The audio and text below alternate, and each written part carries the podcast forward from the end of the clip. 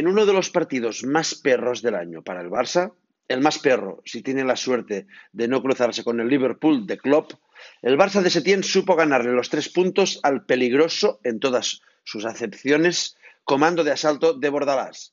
Y lo más trascendente en clave temporada, siguió mejorando como equipo y aunque ni parte del público ni viudas de Valverde lo puedan asumir, siguió enriqueciéndose tácticamente en su retorno a unas esencias a las que jamás debió renunciar. Es perro jugar contra el equipo de Bordalás porque tiene todo lo que le falta al otoñal Barça, ahora entrenado por Setién, aunque le falte todo lo que tiene el once culé. Y porque esas virtudes tan atléticas y marciales como futbolísticas son, los que, son las que más se le están atragantando en los últimos años a un equipo con demasiadas superestrellas en evidente declive físico.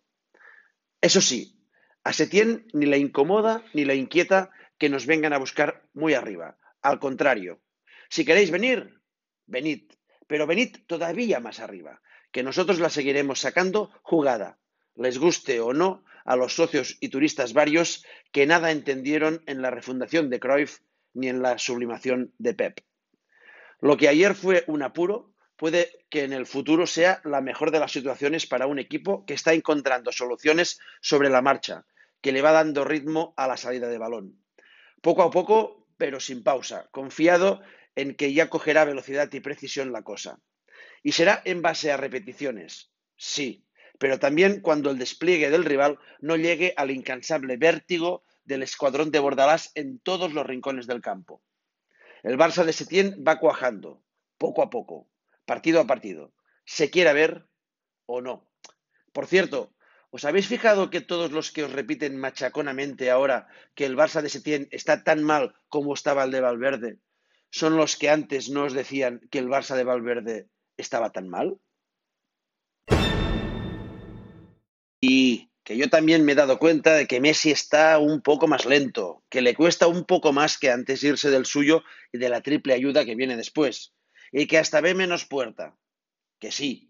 Pero también sé que hay 85 secretarios técnicos buscando un enganche que un día pueda llegar a hacer lo que ha hecho Leo en el gol de Griezmann. Y nada, que no lo encuentran tú. Parte del Camp Nou silbó ayer al Barça de Setién y a Griezmann.